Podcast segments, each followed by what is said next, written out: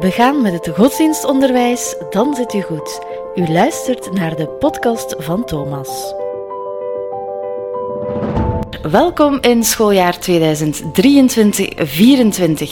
En we beginnen dit schooljaar direct stevig met professor De Pape, die hier bij mij zit. En deze podcast draait rond de vraag: gaat het slechter met het onderwijs dan vroeger? Want we sloten vorig schooljaar af met slechte resultaten. Zo waren er de teleurstellende Pearls-resultaten en is er een algemene malaise rond het kwaliteitsniveau in het onderwijs. En dat snijdt natuurlijk ook in het hart van ons, de godsdienstleerkrachten. We vragen het aan professor De Pape. Ik stel je even kort voor aan onze luisteraar. Je bent emeritus gewoon hoogleraar pedagogische wetenschappen aan de KU Leuven en was van 2013 2017 vice-rector en campusrector van de CULAC. En jouw onderzoeken richten zich vooral op een internationaal georiënteerde historische pedagogiek en net terug uit Praag, waar je de Comenius-medaille ontving voor je historisch-pedagogisch onderzoek. Een soort van Lifetime Achievement Award. Proficiat. Dank je wel. Wat moeten wij ons voorstellen bij historische pedagogiek? Ja, ik uh, ben blij dat u het uh, correct formuleert, want de meeste mensen uh, spreken over pedagogie en zo. de wetenschap is eigenlijk pedagogiek, ten onderscheid van pedagogie, maar dat is een beetje achterhaald allemaal, omdat ook de historische pedagogiek geëvolueerd is. Ik noem dat zelf pedagogische historiografie, naar een geschiedschrijving van opvoeding en onderwijs. Trouwens, in het uh, Engels uh, noemt dat of heet dat History of Education. Uh, ja, ik kan daar een, een, een, uur over vol praten, over wat, wat is dat eigenlijk, uh, omdat uh, dit vakgebied is eigenlijk het oudste van de pedagogische wetenschappen uh, in, in veel landen, maar ook bij ons. Dus uh, pedagogiek bijvoorbeeld is een universitaire studie, pas uh, in Leuven sinds 1923, dus juist 100 jaar geleden, maar niemand heeft daar blijkbaar aandacht voor, hoewel ik dat gesignaleerd heb, uiteraard. Maar vanaf het eind van de 19e eeuw, of het midden van de 19e eeuw, komt zo overal in Europa de trend om uh, wetenschappelijk onderzoek te doen over wat je zou kunnen noemen opvoeding en, en onderwijs, dat, dat brede domein, en daar een wetenschap voor te ontwikkelen. In analogie met de filosofie wordt dat eigenlijk een soort wandeling door de galerij van grote denkers over opvoeding en onderwijs en komt daar ook een beetje geschiedenis van het onderwijs bij uh, als staatsstructuur, omdat natuurlijk in het kader van de natievorming in de 19e eeuw dat belangrijk wordt geacht. Laat me zeggen dat dit niet meer de uh, huidige houding is van wat je historisch pedagogen zou kunnen noemen. Dat zijn eigenlijk historisch onderzoekers die aansluiting hebben gevonden met de sociale en culturele geschiedschrijving van maatschappelijke uh, zaken. Mm -hmm. En daar uh, is het mij om te doen. Ik heb uh, veel theoretisch en methodologisch werk uh, geleverd, ook in mijn eerste doctoraten. En dan heb ik ook wetenschapshistorisch werk en, enzovoort. Ja, wat doet een historisch pedagoog? Ik denk dat dat een beetje een tegengewicht is voor de ja, tamelijk eenzijdige, empirisch-analytische benaderingen.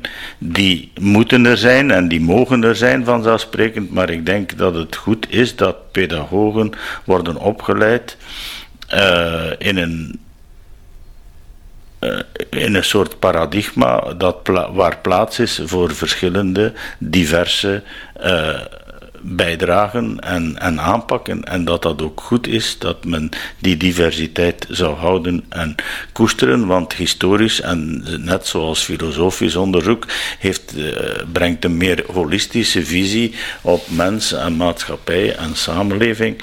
En dat is belangrijk, denk ik, voor uh, toekomstige pedagogen, dat die kritische geest een beetje wordt aangescherpt door afstand te creëren van het uh, hedendaagse, het hodiecentrische, het echt gericht op het nu en het nuttigheid enzovoort. Mhm. En daar komen we ongetwijfeld op terug, want daar hebben die zogenaamde lessen zeker mee te maken. Ja.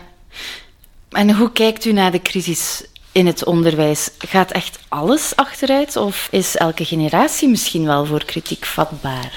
Ja, dat is natuurlijk uh, een, een, zeer complexe vraag. Dat is een uh, legitieme vraag. Elke vraag is legitiem, maar ik heb daar toch bepaalde opvattingen over die waarschijnlijk niet stroken met wat elke dag in de media komt. Ten eerste, die vraag naar lessen. Dat hangt eigenlijk juist samen met, denk ik, dat, dat empirisch-analytisch denken over uh, modernistisch, laat het me zo zeggen, denken over opvoeding en onderwijs, dat vanaf de aufklärung uh, ons uh, heeft meegesleept en meegesleept in een soort utilitaristisch discours, want alles moet nuttig zijn.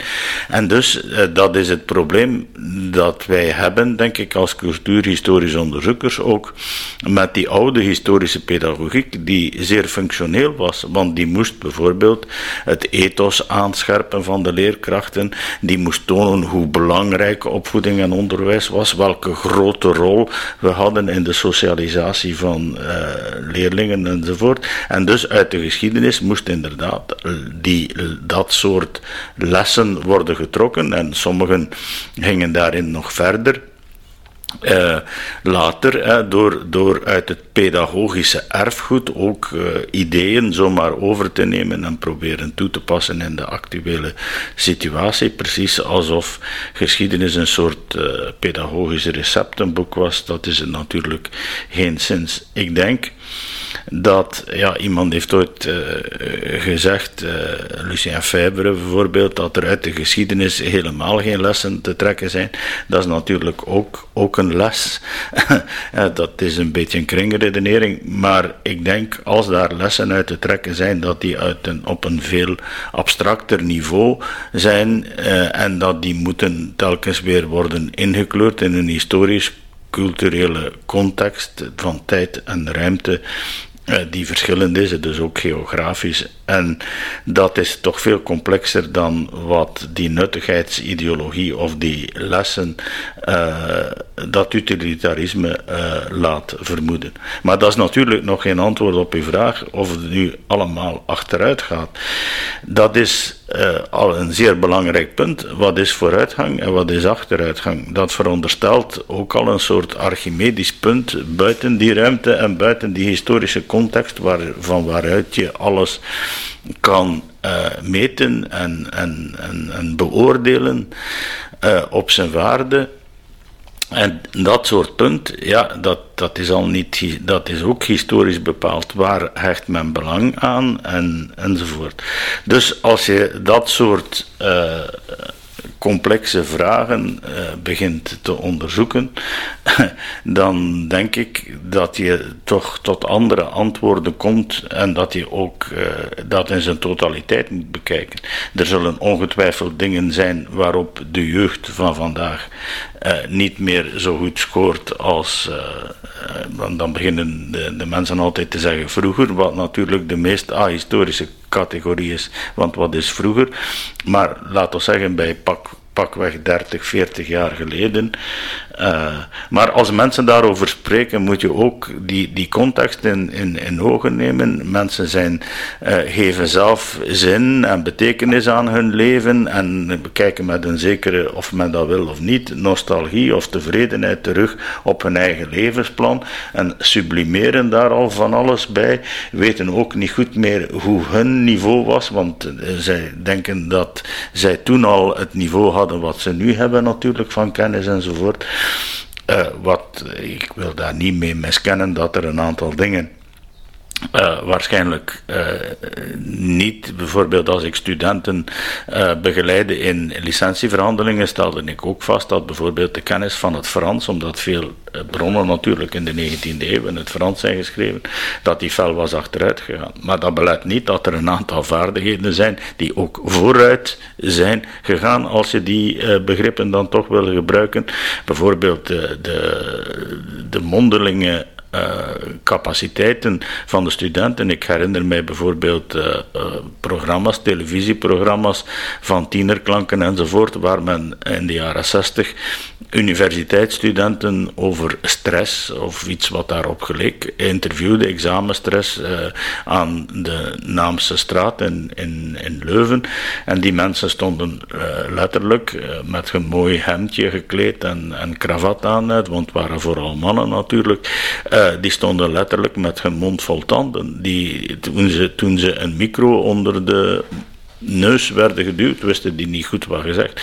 Dat is een stom voorbeeld misschien, maar alleen al om te zeggen, ja, er is ook veel, die zullen waarschijnlijk beter Virgilius enzovoort hebben gekend dan op vandaag, maar uh, die, die hadden ook uh, ja, functionele beperkingen in, in hun uh, spreken, omdat ze dat niet durfden en, enzovoort. Ik denk, de jeugd van vandaag heeft dus, dus met andere woorden, als je dat vergelijkt, dat is zo precies van ook al al, al dat soort dingen. In, in de sport waren, was hij die Merks nu beter dan uh, Remco Evenepoel of ik weet niet wat. Ja, kan je dat, kan je dat gewoon vergelijken in zijn historische context. Het, uh, de Vlamingen doen het niet meer zo goed in de koers. Er heeft een internationalisering van de, van, van de sport uh, plaatsgevonden die vroeger niet bestond, om maar iets te zeggen. Het materiaal is compleet veranderd. Uh, in, in onderwijs zou je dat eigenlijk ook allemaal moeten uh, meer, meerekenen, om, om, om maar iets stoms te zeggen ook misschien, maar waar mensen niet aan denken. Het aantal lesdagen op, op een jaar, dat is zo fel verminderd. En wie schuld? Schuld, want dan zegt men ja, het zijn de pedagogen, de leerkrachten.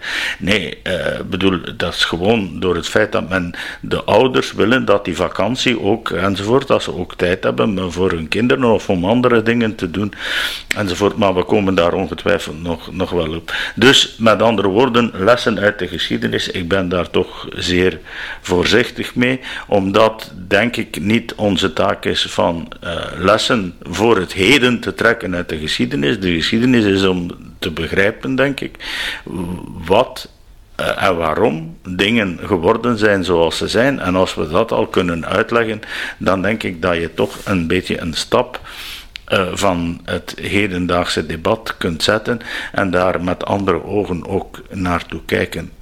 Met andere woorden, dat we beter begrijpen van waar we komen. Wel, ik denk dat geschiedenis er niet uh, uit, uit, bestaat. Uh, geschiedenis is geen normatieve wetenschap mhm. in die zin dat men het verleden om te beginnen al moet beoordelen wat er goed en slecht was.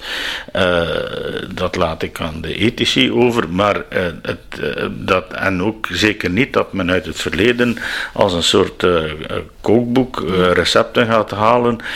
Dat doet men in de geneeskunde ook niet. Hè. In de geneeskunde denk ik niet dat er veel zijn die middeleeuwse studies gaan uh, bekijken om, om, om te zeggen, we gaan nu die kruiden en ja, ja. sommigen kunnen dat doen enzovoort. Maar uh, je kan toch iets leren door het feit dat je weet dat bijvoorbeeld die geneeskunde niet af is en dat ook wat wij vandaag voorschrijven aan, aan, aan pillen en weet ik veel, dat dat een eigentijds paradigma is en dat dat binnen 20, 30 jaar waarschijnlijk weer anders zal zijn. Dus met andere woorden, er is dat, de geschiedenis creëert denk ik een gezonde afstand ten aanzien van het heden, maar heeft geen pasklare antwoorden op de problemen van de eigen tijd, hoe je die moet aanpakken. Maar het scherpt de kritische geest zodanig dat je gewapend bent om uh, zinvolle oplossingen te bedenken voor de problemen die zich voordoen. En wat is uw positie dan in het debat over kennis en vaardigheden vandaag? Wel, ik denk dat daar inderdaad veel, veel uh, simplisme overheerst. In die zin dat men eenzijdig uh, om te beginnen, men, men, pint zich vast op metingen. Uh, ik wil daar trouwens methodologisch ook nog wel een boompje over opzetten, maar ik ben te weinig, hoewel ik daar toch wel iets van af weet, maar te weinig statistisch enzovoort gevormd om, om, om, om dat met, met de experten, ik laat dat over aan de experten, maar ik kan me toch niet voorstellen. die, die studies zijn toch ook relatief dat men in al die landen juist dezelfde metingen doet en men mensen hebben dan het idee, dat was zo met uh, intelligentietesten ook, dat dat zoiets vaststaand is als, als uw gewicht en dat je dat allemaal goed kunt vergelijken. Maar stel dat je dat nu nog allemaal kunt, ook dat is tamelijk uh, ja, beperkt in die zin dat men maar naar een aantal dingen, namelijk kennisniveau, gaat kijken en in de discussie daar rond uh, discussie daar rond wordt dan vaak zeer uh, gedichotomiseerd in de zin van wit-zwart en wit tegenover zwart en alles wordt op een hoopje gegooid. dus met de hele geschiedenis van, van de reformpedagogiek, dat is dan allemaal wie dat uitgevonden heeft, de pretpedagogie. En het zijn dan weer de pedagogen die het gedaan hebben natuurlijk, want daardoor komt het dat de kennis, precies alsof dat twee tegengestelde zaken zijn. Reeds in de afkleurung zeiden de filantropijnen dat leren en spelen, dat dat uh, samenhangt. Bedoel, en, en wat ik een beetje betreur is dat die uh, leerfabrieken, zoals Jan Maschelijn zegt over het onderwijs, dat die scholen leerfabrieken zijn geworden waar men alleen maar naar kennis, kennis en die natuurlijk belangrijk is, niemand betwist dat, kijkt, maar zonder nog veel aandacht precies te hebben voor de persoonsvorming, de karaktervorming, waar het eigenlijk in het pedagogische op aankomt. De, de, het primaat van de persoonsvorming op die kennis is eigenlijk uh, bijna verdwenen of, of uh, de, de band daarmee. Precies alsof dat een tegenstelling is. Ik denk niet dat dat een, een, een tegenstelling is. En misschien uh, men, men, speelt dat uit, welbevinden en het is ervaringsgericht. Dat weet ik veel dat de oorzaak is van, van al, van al uh, die, die kennisachteruitgang, uh, die dus ook relatief is in, in, in, mijn ogen, omdat er een aantal andere dingen zijn. Ja, men kan bijvoorbeeld met de computer overweg, ja, 30 jaar geleden kon men dat niet, want er, er waren geen computers en, en dat soort Dus die, die complexiteit, ik heb dat daar net al aangehaald. Maar afgezien Daarvan denk ik dat men die kennis beter zou integreren, of dat denken rond die kennis beter zou in, integreren in de persoonsvorming en juist ook in dat welbevinden. Want daarover spreekt men veel te weinig, denk ik. We worden er hier, of we werden er hier onlangs op de campus ook weer mee geconfronteerd. Uh, de zelfdoding van, van uh, jongere mensen, dat is een tenminste even groot probleem, denk ik, als die zogenaamde kennisachteruitgang. En hoe meer men die stress nu nog weer gaat, uh, de, de kinderen moeten presteren enzovoort, dat is allemaal goed en wel voor mij, maar wat, wat voor de ouders telt, is blijkbaar uh, het uh, ja, in, in de maatschappij het ver kunnen brengen enzovoort. En daar is kennis nodig, heel die ideologie die daarachter zit. Uh, zeg het, ja, dat is goed dat, dat mensen voor, voor hun kinderen zorgen, maar men mag toch ook niet vergeten dat dat was juist het, de, de, de les van de les, de geest van de reformpedagogiek, dat men het cognitieve niet moest overbeklemtonen in, in, functie van de andere uh, persoonsvormende componenten en dat dat emotionele leven, het ethische leven enzovoort, dat dat ook uh, heel belangrijk is. Zodanig dat je tot een, een, meer totale persoonsvorming kunt komen, waar dat cognitieve zeker uh, en noodzakelijkerwijze zijn plaats heeft. Maar nu is het precies alsof wij in een prestatiemaatschappij leven en ook die testen zitten dan weer in datzelfde denken, want het is een soort koers. Hè. Wij worden gerangschikt en wij worden, krijgen een uitslag zoals je het hebt uh, uh, verwoord. En, en dat is niet goed. En wij worden vergeleken, maar dat is dus allemaal competitie en competitiviteit ja, onze samenleving zit zo in elkaar. Het, uh, wij moeten inderdaad kinderen voorbereiden die in die samenleving kunnen leven en overleven. Hè. Maar uh, we mogen daar toch ook kritische vragen bij stellen. Uh, hoe dat best gebeurt. En dat gebeurt best, denk ik, in nog altijd persoonsvorming die ruimer is dan alleen dat intellectuele of dat gelimiteerde presteren op, op testen. Zou het ook daardoor kunnen zijn dat arbeidsmarktgerichte richtingen daardoor minder in trek zijn? Ja, ook dat is natuurlijk een, een zeer uh, complex uh, probleem. Die verticaal-hierarchische nevenschikkingen van, van, van studierichtingen, die, mhm. die bestaat al lang, maar die hangt inderdaad ook, ook samen met een onderwaardering van het manuele, waartegen de reformpedagogiek ook, en de Arbeitsschule in Duitsland enzovoort, heeft gereageerd. Maar uh, het, het hangt, het is niet alleen eh, samen met dat een beetje intellectualistische uh, discours zou je kunnen zeggen, maar ik denk dat het ook eh, getuigt van een distinctiezucht dat mensen, klassen zich willen onderscheiden, blijven onderscheiden en identificeren met die richtingen die, die zich voornamelijk in het ASO uh, voor, voordoen. Ik ken weinig sociaal elitaire mensen of gezinnen die hun kinderen ook al is daar waarschijnlijk reden toe en is daar misschien enige motivatie van die kinderen toe, zomaar direct naar het beroeps- of het technisch onderwijs zullen sturen. Liever dan dat gaat men binnen die uh, ASO-richtingen weer een soort hiërarchie inbouwen, die natuurlijk niet meer dezelfde hiërarchie is van het Latijn-Griekse tegenover hetzelfde, maar tegenover het moderne enzovoort, maar je krijgt andere tegenstellingen waarbij wiskunde en wetenschappen dan uh, het nieuwe Eldorado zijn waar je moet, want we hebben voor onze technologische ontwikkeling ingenieurs nodig enzovoort. En dat is uh, het NEC plus ultra binnen het onderwijs aan het worden.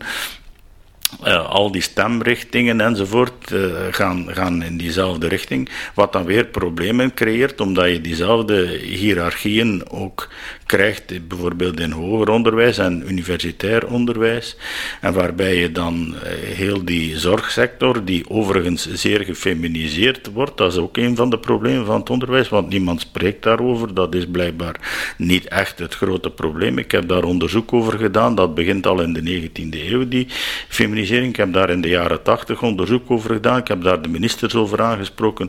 Hun mond viel letterlijk open, want ze vonden dat niet direct een probleem. Maar ze vinden het wel het probleem dat meisjes het glazen plafond enzovoort niet in de ingenieursrichtingen zitten. Maar dat er geen jongens in opleidingen uh, pedagogiek, psychologie uh, bijna zitten, of onderwijsopleidingen, dat, dat je daar voor meer dan 90% vrouwelijke studenten krijgt. Dat is natuurlijk niet de schuld van de meisjes, maar de jongens blijven daar weg. En dat geeft een, ook een circulair effect. Ik vind dat bijvoorbeeld een van de problemen, en zo zijn er nog een aantal, die onderbelicht blijven. Wat zou er dan op grond van jouw historische kennis moeten veranderen in het onderwijs? Wie ben ik om, om te zeggen wat er, wat er zou moeten veranderen? Maar uh, stel nu dat die verantwoordelijkheid zou krijgen, dus niet als historisch, enfin, je hebt die achtergrond natuurlijk, maar dat je ergens een beleidsfunctie zou krijgen. Uh, en dan, dan, dan vraag je, ja, wat, wat, wat zou je willen veranderen? Of waaraan denk je dat er zou moeten gewerkt worden? Ook dat zijn complexe problemen, maar ik denk dat veel uh, samenhangt met de waardering voor de leerkracht. Ik durf dat zelfs niet herwaardering noemen, want dat zou suggereren dat ze ooit zeer echt gewaardeerd zijn geworden.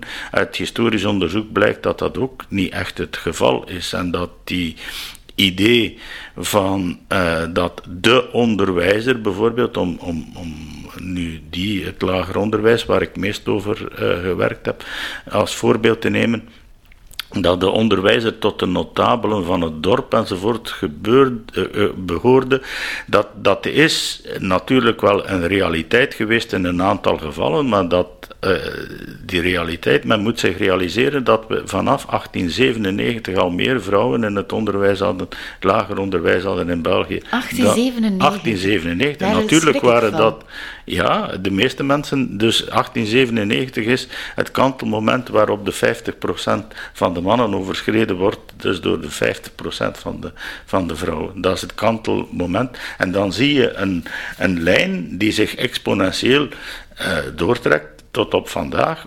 Behalve is er een kink in de jaren 30 waarbij natuurlijk door de economische crisis de arbeidsmarkt weer beperkt wordt en dan zie je de de idee van de man is de kostwinner.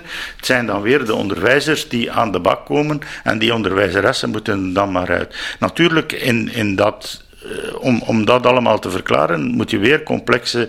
De, de vrouwen van de 19e eeuw waren dus vaak ook religieuzen enzovoort. En er zijn heel wat beschermende factoren geweest om die religieuzen aan boord te houden. En ook uh, dat celibataire of die huwelijksban enzovoort, die tot in de jaren zestig is blijven bestaan, uh, speelde daar een, een rol. Dus je kan daar ook niet ongenuanceerd over spreken, maar het wijst op een maatschappelijk model waarbij de man de kostwinner is en de vrouw dus ondergeschikt voor de zorgberoepen. En dat model heeft zich eigenlijk blijven doorzetten. Het is vaak in de huwelijksstrategie zo geweest dat de man dus de, de, de beste positie had, met de grootste wedden, ook het meeste aanzien, en de vrouw ja, de zorg voor de kinderen, maar ook de zorg en de verpleging enzovoort. Beroepen die niet even goed werden betaald en beroepen die ook uh, bleken te kloppen met onze ideologieën over uh, seks, stereotype ideologieën over arbeid en, en, en geslacht enzovoort. Met andere woorden, dat is een van de problemen waaraan ik zou, zou willen werken, maar nog veel erger dan, dan die feminisering, denk ik, is het, het verlies wat ik zou over de jaren heen willen noemen over het eigenaarschap van het beroep. En ik denk dat veel van de problemen van vandaag daarmee samenhangen. Leerkrachten, en daardoor vermindert natuurlijk ook de attractiviteit. Je mag je leerkrachten zo goed als mogelijk betalen. En eigenlijk uit vergelijkende studies blijkt dat dat in, in, in Vlaanderen niet echt het probleem is. Uh, de, de mensen uh, zijn niet echt gemotiveerd voor een job waarin anderen allemaal komen zeggen hoe je het moet doen. Waarbij uh, experten, maar ook de, de ouders, die vaak opleidingen hebben vanuit universitair hoger onderwijs. Ja, onze leerkrachten, ook daar is veel discussie over, maar onze lerarenopleiding staat nog altijd niet echt op universitair niveau. Um, die, die, die leerkrachten die worden de les gespeld eh, bijna door, door Jan met de pet uh, en de, de verwachtingspatronen tegen het onderwijs. Wij, uh, we hebben een kortere een, kortere periode om, om te onderwijzen en er wordt steeds meer van de school verwacht. Ik heb dat pedagogisering genoemd eh, in een zekere zin ook, omdat alle maatschappelijke problemen die zich voordoen, worden naar de school geloodst. Verkeersveiligheid, om maar iets te zeggen, en dat komt daarbij. Eh, drugspreventie, dat komt daarbij, enzovoort. Alcoholpreventie, roken, eh, maar ook gezondheidsvoorlichting, seksuele opvoeding, enzovoort. Alles wat, wat wat een maatschappelijk probleem blijkt te zijn, gaat naar de school en de leerkracht moet dat dan maar oplossen uh, of, of zien daartussen te krijgen en, enzovoort. Ik denk dat dat een, een veel groter probleem is dan die, die zogenaamde pretpedagogie en, en weet ik veel. Maar natuurlijk, de mensen fixeren zich op wat ze gemakkelijk kunnen zien. En ook uit internationaal onderzoek blijkt dat blaming teachers, dat dat een strategie is die zich uh, niet alleen van experten, hè, want ook in die eerste innovat uh, onderwijsvernieuwende studies werd de leerkracht vaak met de vinger gewezen, want die was niet in, staat van de zo goed bedachte onderwijsinnovatie toe te passen enzovoort. Maar uh, ik denk dat dat bijvoorbeeld een probleem is. Maar hoe los je dat op? Ik weet ook wel, dat is niet, niet, niet zo simpel.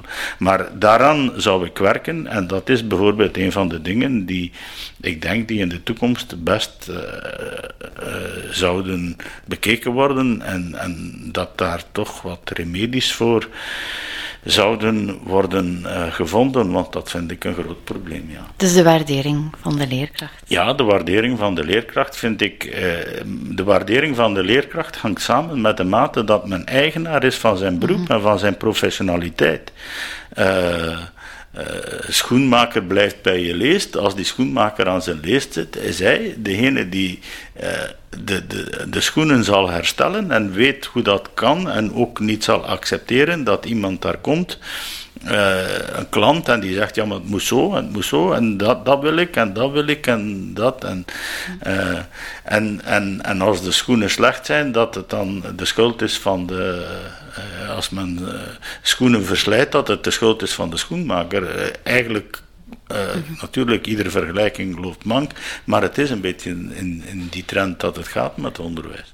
U zei dat dat wel een beetje een trend ook is in de geschiedenis, die waardering van de leerkracht. Zijn daar geen auteurs die wij daarover kunnen lezen?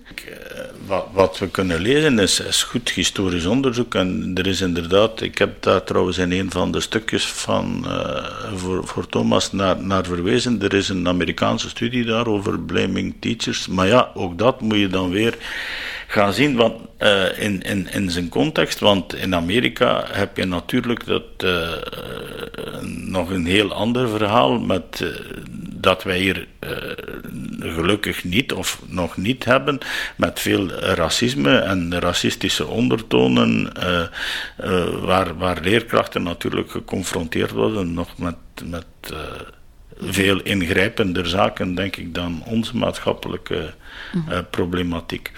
Maar auteurs, uh, uw vraag uh, had ik eigenlijk oorspronkelijk een beetje anders gezien. Ik dacht, dat gaat hier ook weer in, in de richting van de grote denkers. wie zou je...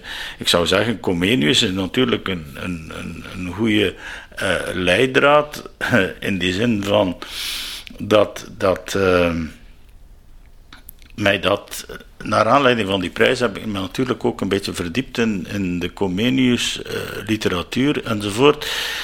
Uh, die mens is heel zijn leven op de vlucht geweest voor maatschappelijke problemen. Zijn, de dertigjarige oorlog, uh, zijn, heeft zijn vrouw verloren, die aan de pest gestorven is. zijn bibliotheek is uitgebrand. Mijn professor De Vroede maakte daar een. een eh, een grapje over, want hij wist niet wat het ergste was van de twee. Zei. Maar goed, uh, ik, ik denk dat het belangrijk is dat we dat soort auteurs blijven lezen. Waarom? Omdat tolerantie, maatschappelijke aanvaarding, empathie, uh, vrede, vrede uh, dat, dat is iets wat, wat Comenius echt gewild heeft al in eind van de 16e, begin van de 17e eeuw, met die godsdienstoorlogen, tolerantie voor, voor elkaar, begrijpen enzovoort. Ik denk dat dat zeer belangrijk is. Maar nog belangrijker voor het onderzoek vind ik wat er gebeurd is met die ideeën. Want uh, nog eens, uh, pedagogiek is niet zoiets van je grijpt grote ideeën en je gaat dan die gaan toepassen. Men heeft dat heeft proberen te doen, hè, met bijvoorbeeld Freinet-scholen, Steiner-scholen enzovoort. Wel, ik denk, het is die, je moet zien wat gebeurt er met die ideeën. Dat is wat de Duitsers noemen Wirkungsgeschichte. En daar heb ik veel in geïnvesteerd, want dan zie je vaak zeer ironische effecten, waar eigenlijk het omgekeerde gerealiseerd wordt van wat oorspronkelijk door die auteurs werd bedoeld. En dat is. Uh, kan je daar een voorbeeldje van geven? Ja, ik kan daar een voorbeeld van geven. Um, bijvoorbeeld bij ons in de zogenaamde reformpedagogiek was een van de grote tenoren, uh, we hebben daar een, een, een, boek, een biografie over geschreven, Ovide de Crolly. Ovide de Crolly is gestorven in 1932, toen hij uh, zoiets van 2, 63 jaar oud was. Uh, dat was een medicus die in Brussel, een, we zouden dan nu een alternatieve school, maar die was eigenlijk begonnen met uh, minder begaafden, wat je mentaal gehandicapten, maar dat mag je zeker niet meer zeggen. Mensen met een mentale functiebeperking, uh, leerlingen was, begonnen, maar die, dus die ouders in Brusselse milieu, burgerlijke milieu, liberale milieu, vonden ook dat hij voor het gewoon onderwijs iets moet doen. Hij is dus op eigen initiatief met privégeld, onder meer van zijn schoonvader die gestorven was, een eigen schooltje begonnen. en men heeft dat toegedicht als de l'école pour la vie par la vie, de school voor het leven, door het leven, waar dus een aantal van die reformpedagogische principes werden toegepast. En een van de ideeën van de Crowley was dat je moest uh, komen tot vakoverschrijdend onderwijs. Dat het geen zin had vanuit wat hij noemde globaliteits, dat is eigenlijk een beetje de gestaltpsychologie, uh, globaliteitsbeginsel, dat het geen zin had van kinderen te onderwijzen uh, over vakken maar dat het eigenlijk dat je moest met, met thematische, wat hij dan noemde, belangstellingscentra. Hè. Natuurlijk, het, ironische is hier ook weer al, die belangstellingscentra, die zogezegd uit het kind komen, worden door de volwassenen natuurlijk gedefinieerd. Bijvoorbeeld de, de lente, de, de jaargetijden de, enzovoort, hoe mensen zich kleden. Zich, en, dus dat, dat soort dingen. Dus als je bijvoorbeeld over een boom praat, moet je niet zeggen dat is nu les geschiedenis, les natuurkunde, die boom staat daarvan in tijd van, ik weet niet, en uh, natuurkunde, die boom bestaat uit, of scheikunde, uit die stoffen. En, nee, je moet die boom laten spreken naar de kinderen en, en, kijken hoe zij dat zien en laten tekenen en daar expressie en wat weet ik veel. Dus je moet daar vakoverschrijdend onderwijs over geven. Toen de Crowley gestorven was in 1932, eh, is dat jaren van de onderwijshervorming ook in België. En België was nogal toonaangevend in, in die uh, zaken. En komt er in 1936 een nieuw leerplan voor het lager onderwijs. Wat eigenlijk de Crowleyaans uh, geïnspireerd is. En een van de zaken is dus dat men probeert dat idee van belangstellingscentra, van wat de, de noemde dat, studie van het milieu, milieustudie. Dus van die milieustudie, van dat uh, in te richten in het onderwijs. Maar daar was een hele discussie over, die samenhangt en die veel parallellen vertoont met de discussie van vandaag. Want dat was iets van de pedagogen en dat was slecht en die moest die kennis en dat kon zeker al niet voor rekenen, dat kon ook niet voor taal, dat, dus niveau. Met andere woorden, er komt een hele... Uh, onderwijshervorming, maar de ironie van de geschiedenis is dat men eigenlijk eh, op lange termijn een nieuw vakje invoert. En dat vakje heet milieustudie. Met andere woorden, het vakoverschrijdend, de idee van vakoverschrijdend onderwijs wordt ingevoerd als een vak. Ja. ja, dat is natuurlijk wel ironisch. En uh, ja, ook in de Verenigde Staten heeft men uh, veel onderzoek daarover gedaan. Uh, wij hebben dat zelfs een beetje kunnen verfijnen. En vanuit Stanford was dat Larry Cuban uh, en William Tobin en David, David Tayak. die het idee van grammar of schooling hebben ontwikkeld. En wat is dat? Dat eigenlijk in het intuïtieve onderwijzen een aantal regels, grondregels zijn ingebakken, die al die onderwijsinnovatie, waar die onderwijsinnovatie die opgelegd wordt tegenover botst en die die transformeren naar een waarschijnlijk wel betere school, maar ik heb dat modernere school genoemd. En men heeft altijd de dichotomie van oud en nieuw, nova et vetera, maar dat is veel complexer. De geschiedenis is niet van het oude en iedereen die iets nieuws wil zegt, ja, mijne is nieuw, nieuw, nieuw, omdat dat nieuwe creëert natuurlijk een retoriek die ook geld, aandacht, eh, succes opbrengt enzovoort. Maar uiteindelijk is dat allemaal niet zo nieuw. En als je die werkingsgeschiedenis bekijkt, dan ga ik akkoord met zoals uh, die Amerikanen dat hebben gefunctioneerd. Het is niet de innovatie die het onderwijs verandert, maar het is het onderwijs die de innovatie verandert. Zodanig dat ze inpasbaar wordt in die uh, grondregels die er zijn en die eigenlijk ook niet het resultaat zijn van wetenschappelijk onderzoek. Uh, maar die, die intuïtief, en dat is niet slecht, hè, door die schoolmeesterkunde, die intuïtieve dingen zich heeft ontwikkeld door de jaren heen. En die. Uh, dat, ja. En daar hebben we veel onderzoek over gedaan. En dat is die, die werkingsgeschiedenis waarover ik heb, het heb gehad. En dat. dat uh, ja. Dus met andere woorden, als je over Steiner scholen, ja, wat is daar Steiner aan?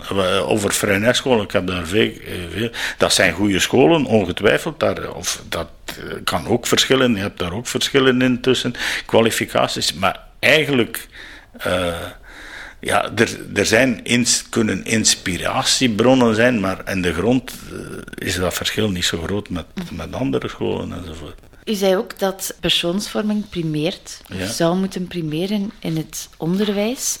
Welke rol speelt dan volgens u het godsdienstonderwijs? Nu komen we op een heikel thema natuurlijk. Ja, wel, inderdaad. Uh, maar nee, ik, ik, daarnet dacht ik van te zeggen, ja, dat geldt ook voor het katholiek onderwijs. In hoeverre is het kat, zijn katholieke scholen nu nog verschillend van... Want wat je ziet doorheen de geschiedenis, om nog eens bij dat institutionele te blijven, is natuurlijk uh, een merkwaardig fenomeen. Door de secularisering zou je denken dat die katholieke scholen uh, van, van, van geen tel meer zijn.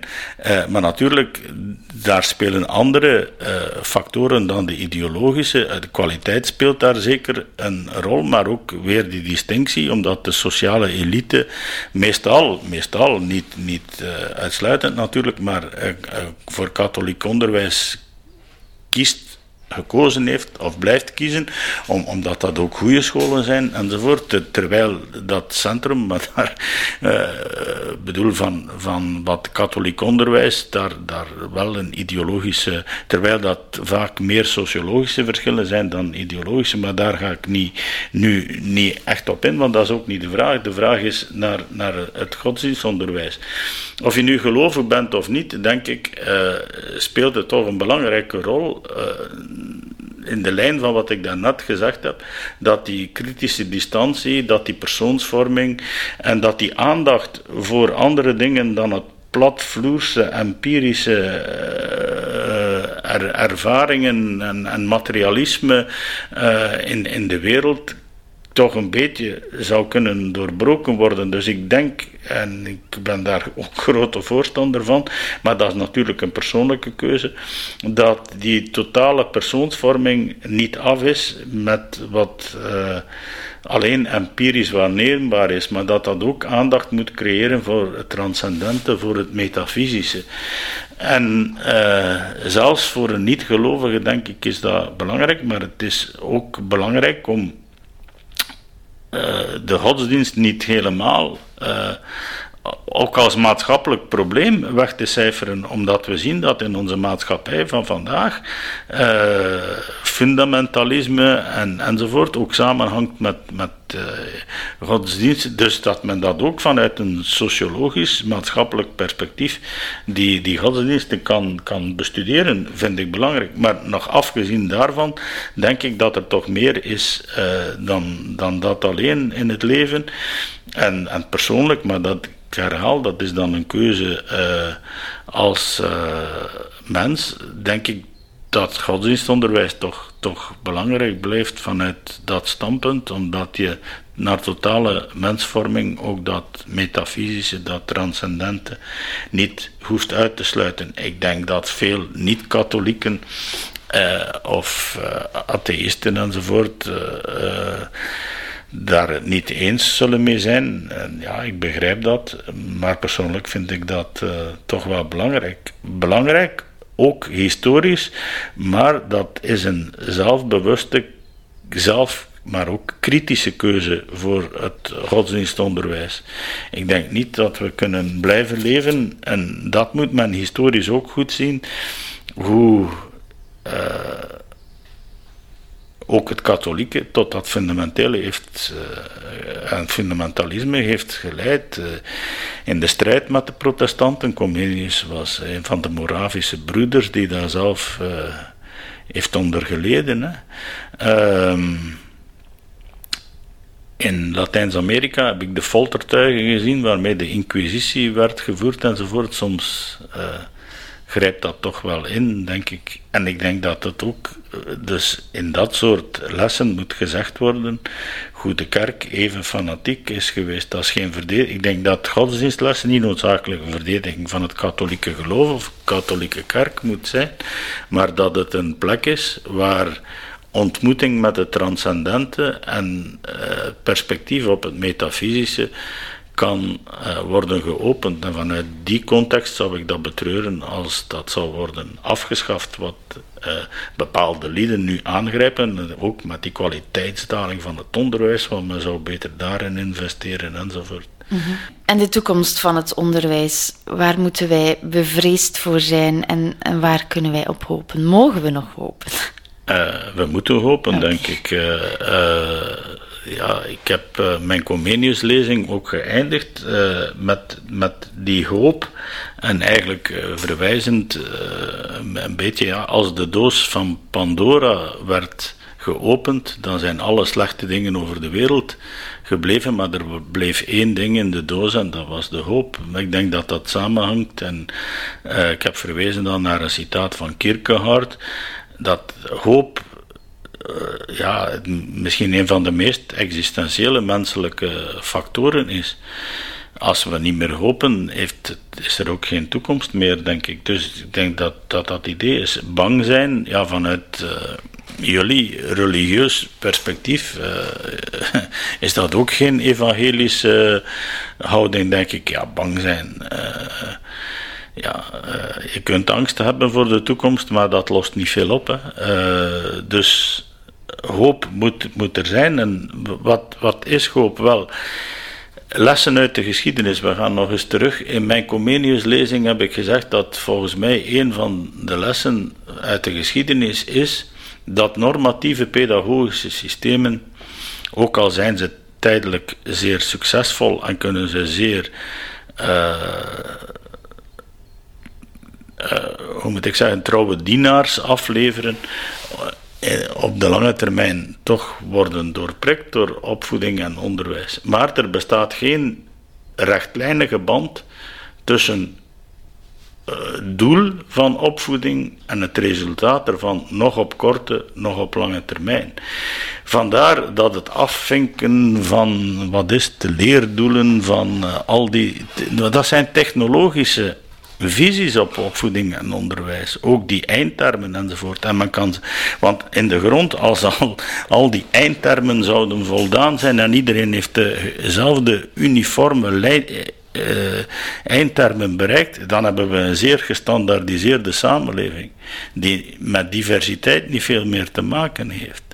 Dan functioneren de mensen eigenlijk in een soort brave new world. Als dat zou lukken. Maar alle normatief-pedagogische systemen, ook het katholieke uh, opvoedingssysteem dat wij in de tussenoorlogse periode voor Vlaanderen uh, grondig hebben bestudeerd. Ja, het is niet door die kinderen in, in, in een bad van godsdienstigheid te, te, te steken, want dan zouden de kerken nog vol zitten. De, dus dat, dat die effecten uh, daar zijn. Zo werkt opvoeding niet. Opvoeding en onderwijs, en dat is mijn hoop, is wat, wat, wij kunnen doen, en dat is niet anders met de geschiedenis. Geschiedenis is een plaats van ontmoeting. Je kan er iets uit leren, maar dat is persoonlijk. Je kan er zelf wat ermee doen. En degene die het aanbiedt, die het aanbod doet, de leerkrachten, de pedagogen enzovoort, die uh, hebben niet controle over wat ermee gebeurt. Het is gewoon een aanbod naar een ontmoeting toe. En als die ontmoeting klikt, en als men daar goede dingen mee doet, zoveel te beter. En dat kunnen we hopen en dat mogen we ook hopen, want anders heeft het ook geen zin wat we doen. En ik denk dat dat geldt voor wetenschap, dat geldt voor uh, geschiedenis, dat geldt voor, voor, voor alles wat je aanbiedt, ook in het curriculum. Ik hoop op een divers curriculum dat niet eenzijdig is samengesteld. Ik hoop op een curriculum dat voldoende ruimte biedt voor dat soort ontmoetingen en goede leerkrachten die eigenaar zijn van hun beroep, van hun professie, van hun professioneel doen en laten. En dat dat ja, kan uh, aanslaan En dat door het uh, aanslaan van die motor van de toekomst uh, is verzekerd. En dat kan door inzicht en reflectie, kritische distantie enzovoort. Ik ben meer van het contemplatieve. Ik ben niet waarschijnlijk een goede actor.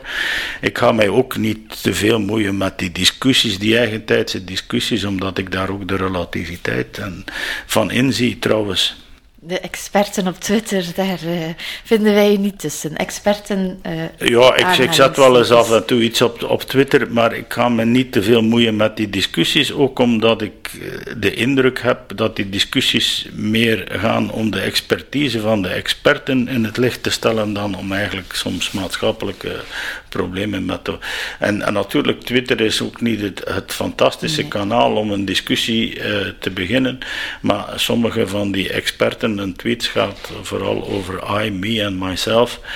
Uh, ja, dat mhm. is uh, denk ik ook een waarheid. Hè. Ja. Uh, en, en vaak erger ik mij dan ook aan het ahistorische, alles op een hoopje gooien. en ook het, het, het zoeken in het verleden naar argumenten om het eigen gelijk te bewijzen. Los ja, van de context. Voilà, heel contextloze dingen op, opvissen om, om, om dan te zeggen, zie wel dat ik gelijk heb. Nu, voor onze leerkrachten, ze beginnen aan een nieuw schooljaar of ze zijn al bezig.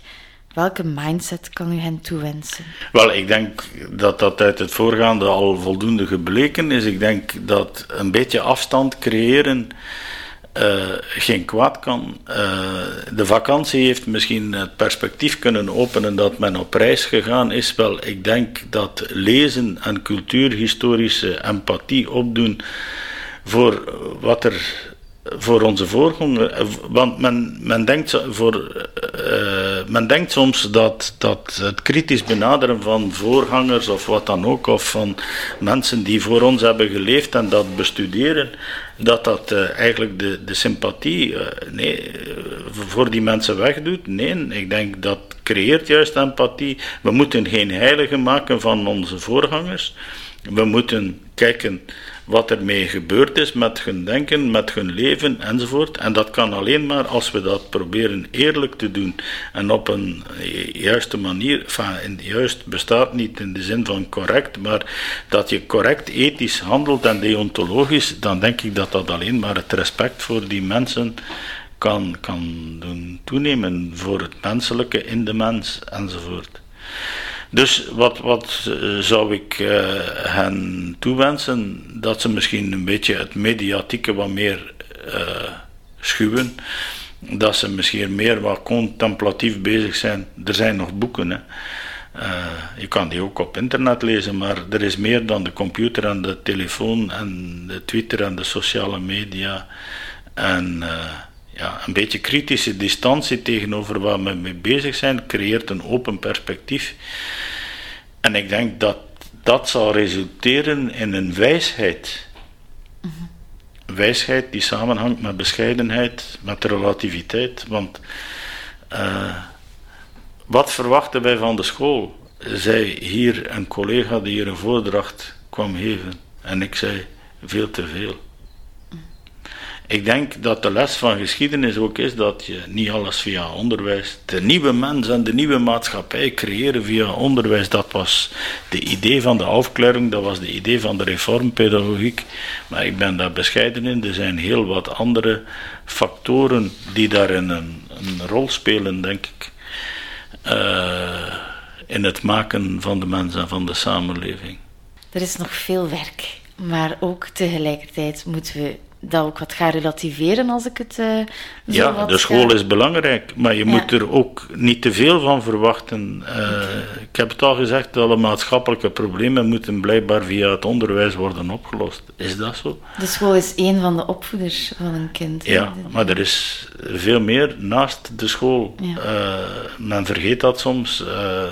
men heeft trouwens ook, dat is in lijn met die bijna exclusieve aandacht voor de kennis. Men heeft uh, een aantal van de muzische vaardigheden, heeft men, eh, men heeft dat allemaal weggedaan uit de school. Want dat is nu voor het conservatorium, voor de muziekscholen enzovoort Terwijl eigenlijk in die persoonsvorming en veel van die ideeën dat in zat, dat dat ook uh, integraal deel uitmaakte van. Ja, ik heb daar niks op tegen, maar dat is een historische realiteit geworden die in dezelfde lijn wijst van een aantal dingen. En je kan daar kritisch in de wereld staan doordat die historische ontwikkelingen een beetje te bestuderen. En wat je dan moet doen, wel, uh, dat moet je zelf eh, uitvinden op grond van veel, maar de geschiedenis kan daarbij helpen in die zin onrechtstreeks dat ze u wijsheid, bescheidenheid en al dat soort dingen die goed zijn voor de geest kan bijbrengen. Heel, heel erg bedankt, professor De Pape. Ik heb er heel veel aan gehad. Ik hoop de luisteraar ook. Ik wens jullie heel veel succes dit schooljaar. Hou vol, blijf hopen en tot de volgende aflevering. Dank u wel.